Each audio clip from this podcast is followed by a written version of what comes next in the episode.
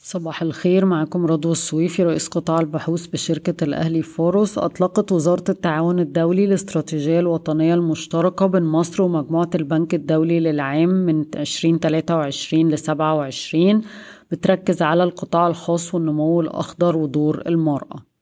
في بعض المستثمرين في الإمارات مهتمة بالاستحواذ على حصص في بنك القاهرة والبنك العربي الأفريقي الدولي وفقا لوسائل الإعلام المحلية. اقترحت وزارة المالية تخصيص 587 مليار جنيه للاستثمارات العامة في الموازنة آه، للعام المالي 23-24 بزيادة 56% على أساس سنوي.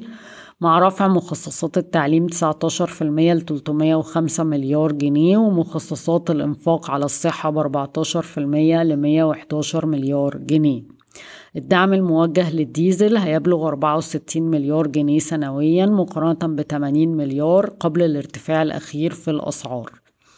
في تنسيق بين القطاع الخاص والحكومة لحماية الاستثمارات المصرية في السودان اللي هي حوالي 2.7 مليار دولار.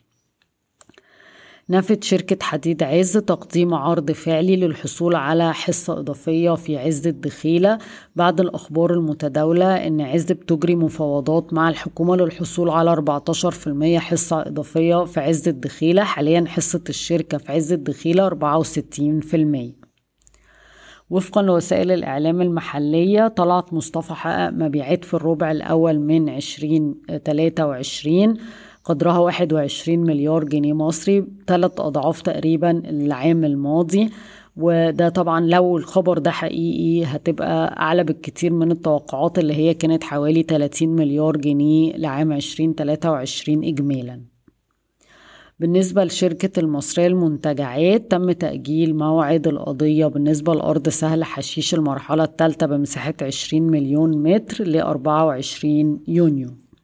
البنك المصري الخليجي طلع آه، صافي ربح بس مستقل العام آه، للربع الأول من 2023 316 مليون جنيه بارتفاع 60% على أساس سنوي بعضها من الأرباح التشغيلية وبعضها بسبب مكاسب فروق العملة. السهم بيتم تداوله عند مضاعف ربحية ست مرات لعام 2023 بنك التعمير والإسكان طرح شهادات مدتها ثلاث سنوات بمعدل فايدة سنوي 20% أو شهري 18 ونص الحد الأدنى 100 ألف جنيه. أفك طلعت نتائج أعمال برضو مستقلة للربع الأول من 2023 صافي الربح 87 مليون جنيه. بانخفاض 55% عن الربع اللي فات متأثر بأداء الإيرادات. شركة لينا تل للاتصالات في مفاوضات مع مشغلي شبكات المحمول لزيادة أسعار العقود الخاصة ببناء أبراج الهاتف المحمول بعد ارتفاع التكلفة لستة مليون جنيه بعد ما كانت اتنين مليون آه، جنيه. جاء ذلك بعد ارتفاع أسعار آه، السولار وبفكركم إن الوقود بيمثل only 3% من إجمالي تكاليف المصرية للاتصالات وإحنا واخدين في اعتبارنا الارتفاع اللي بيحصل في الوقود من عام للتاني في القيمة العادلة.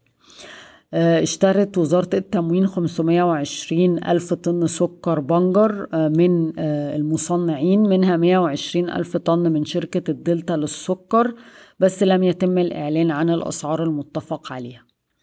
سريعا جدا أفكركم بأسعار السلع العالمية. التغيير الرئيسي كان في البرنت اللي نزل خمسة في المية لخمسة وسبعين دولار للبرميل وفي الفحم البخاري اللي نزل عشرة في المية لمية تسعة وستين دولار للطن. آه وفي الديزل وال heavy fuel oil الفرق بين أسعارهم اللي ارتفع 8% ل 276 دولار للطن. الباقي تقريبا ما اتغيرش. افكركم بالاسعار. اليوريا عند 366 ونص دولار للطن. البولي ايثيلين 1100 دولار. البولي بروبيلين 1012 دولار. الفرق بين أسعار الحديد وخام الحديد 424 دولار للطن. الألمونيوم عند 2316 دولار للطن. الأسمنت في مصر عند 1880 جنيه مصري للطن اللبن البودرة عند 2787 دولار للطن. بشكركم ويوم سعيد.